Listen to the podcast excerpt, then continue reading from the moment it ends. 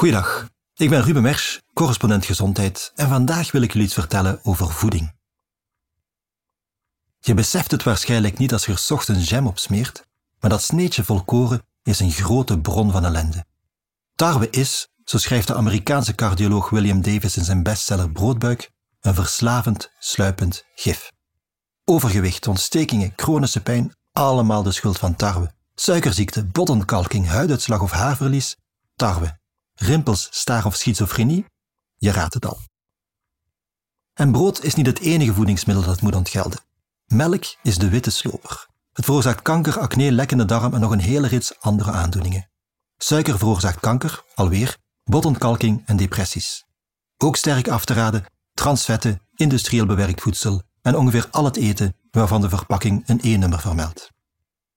Andere voedingsmiddelen zijn daarentegen bijna heilig als je sommige foodies mag geloven. Kurkuma remt ontstekingen en voorkomt Alzheimer, chiazaad is goed voor hart, huid en haar, boerenkool ontgift je lichaam en hazelnoten verlagen je cholesterol en je risico op kanker. Iedereen wil lang en gezond leven en dus kopen we massaal boeken en volgen we influencers die daar een eenvoudig recept voor hebben. Eet dit vooral wel en dit vooral niet. Het probleem met al deze voedingsadviezen, ze missen elke wetenschappelijke onderbouwing. Niet omdat er geen onderzoek naar bestaat, wel omdat dat onderzoek extreem ingewikkeld is. Zeven redenen waarom het zo moeilijk is om te weten wat je moet eten. 1. Je weet niet wat je eet en dus kan de wetenschapper er weinig over zeggen. Weet jij nog wat je gisteren precies gegeten hebt? Hoeveel hazelnoten, hoeveel gram broccoli en wat je vorige week donderdag at? Het antwoord op dat soort vragen vormt de basis van het meeste onderzoek naar de relatie tussen voeding en gezondheid. Maar die basis is wankel, want mensen weten vaak niet precies meer wat ze gegeten hebben. Wat proefpersonen op vragenlijsten over eten invullen, blijkt vaak onvoldoende om in leven te blijven. Het menselijk geheugen is nu eenmaal niet zo accuraat en proefpersonen geven vaak sociaal wenselijke antwoorden. 2. Ook als je wel weet wat je eet, weet je niet wat je binnenkrijgt. Misschien herinner je nog wel wat je hebt gegeten, maar daarmee weet je nog niet precies wat je hebt binnengekregen. Neem broccoli. Toen onderzoekers de chemische samenstelling van 50 broccolistronken analyseerden, bleken sommige stronken tot zes keer meer beta-carotene te bevatten dan andere. Wat betreft de concentratie glucosinolaten, een andere groep organische moleculen uit broccoli, verschilde de ene stronk soms met een factor 20 van de andere. Kortom, de ene broccoli is de andere niet. Dat heeft onder andere te maken met het ras, de wijze van telen en de bereiding. Dat geldt voor veel andere voedingsmiddelen ook. Het heeft dus weinig zin om je af te vragen hoe gezond broccoli, boerenkool of hazelnoten zijn, als de samenstelling van die producten elke keer anders is.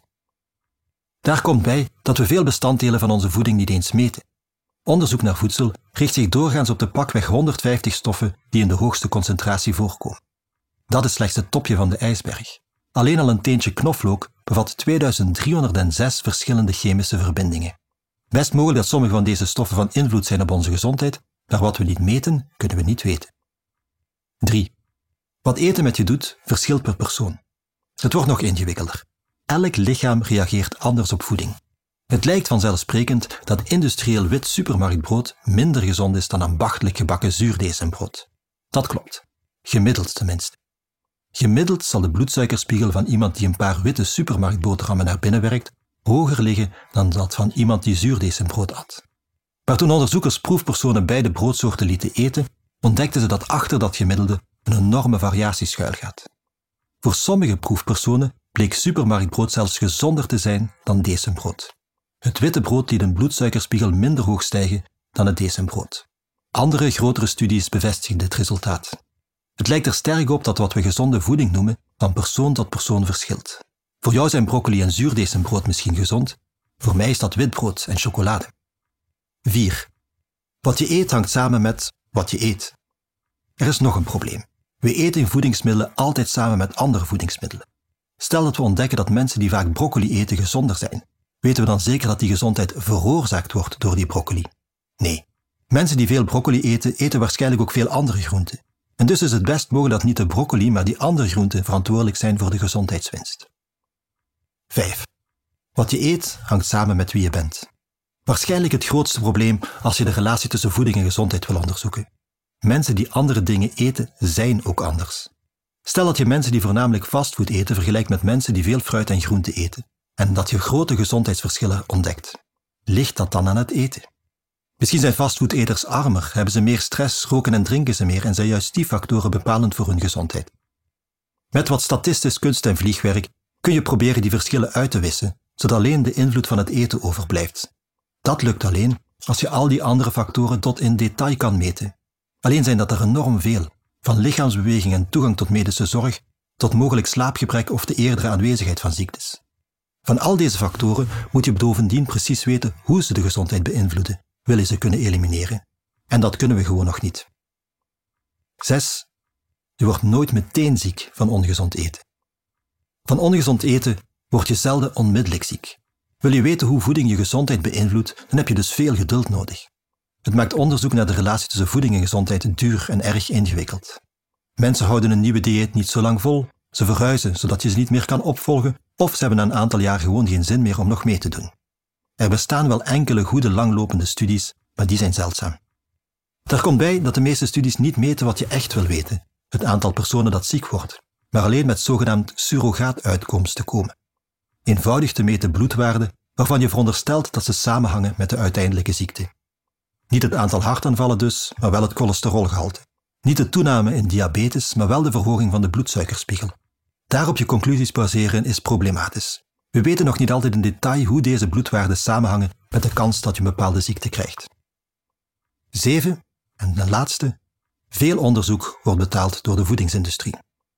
Druivensap verbetert je rijvaardigheid en walnoten verkleinen je kans op diabetes. Het zijn maar twee voorbeelden van studies die betaald werden door respectievelijk een bedrijf dat druivensap verkoopt en een firma die walnoten teelt. Met voeding valt geld te verdienen en als er geld te verdienen valt, is de waarheid vaak het eerste slachtoffer. Onderzoek toont aan dat minstens 13% van het voedingsonderzoek gefinancierd wordt door de voedingsindustrie. En, weinig verrassend, die financiering heeft invloed op het resultaat. Onderzoek dat betaald wordt door de industrie concludeert erg vaak dat het product dat zij op de markt brengen allerlei gezondheidsvoordelen heeft. Kortom, we weten niet zoveel over welke voeding gezond is, omdat dat nu eenmaal heel moeilijk te weten is. De stapels wetenschappelijk onderzoek over de relatie tussen voeding en gezondheid die elk jaar verschijnen, hangen veelal, om die hierboven genoemde reden, met spuug en paktouw aan elkaar. Voor veel voedingsgoeroes is dat geen bezwaar. Je graait lekker selectief in de enorme grabbelton publicaties, negeert de methodologische beperkingen van datgene wat je aantreft et voilà, je hebt bewezen dat brood of melk des duivels is. Onderbouwd is het nauwelijks, maar het levert wel bestsellers op. Weten we dan helemaal niets? Kunnen we zelfs niet bewijzen dat elke dag hamburgers met friet ongezonder is dan dieet met veel groenten en fruit? Dat nu ook weer niet. Als je de beste studies samenneemt, is er wel een patroon te ontwaren. Over de gezondheidsimpact van individuele voedingsmiddelen valt niet veel zinvols te zeggen, maar er is wel degelijk een verband tussen alles wat je eet, je voedingspatroon dus, en jouw gezondheid. En wat is dat vrijwel zeker gezonde voedingspatroon dan? Niets wereldschokkends. Veel groenten, fruit en noten, weinig alcohol, weinig suiker, weinig sterk bewerkt voedsel en niet te veel rood vlees. Veel meer valt er niet te vertellen. Kortom, als jij brood helemaal uit je dieet schrapt en zweert bij je dagelijkse kurkuma-shot, ga gerust je gang. Maar verwacht niet dat je daardoor langer en gezonder zal leven. Want als voeding al een medicijn is, dan is het een medicijn waarvan de bijsluiter nog nauwelijks ontrafeld hebben. Het is de missie van de correspondent om voorbij de waan van de dag te gaan. Onze correspondenten voorzien het nieuws van context en schrijven over de grote thema's van deze tijd. De correspondent geeft me de vrijheid om mijn nieuwsgierigheid te volgen en de tijd om verhalen te schrijven. En zo probeer ik onzichtbare structuren zichtbaar te maken en een andere kijk te bieden op debatten die het nieuws domineren. Dan gaat het minder over het spelletje en veel meer over wat er op het spel staat. Vanaf dag 1 zijn onze artikelen, boeken en podcasts gefinancierd door onze leden. Volg ons op onze journalistieke zoektocht. Overweeg eens lid te worden van de correspondent. En maak daarmee samen met ruim 70.000 anderen onze onafhankelijke journalistiek mogelijk. Dus word lid van de correspondent. Ja. Word lid. Word lid.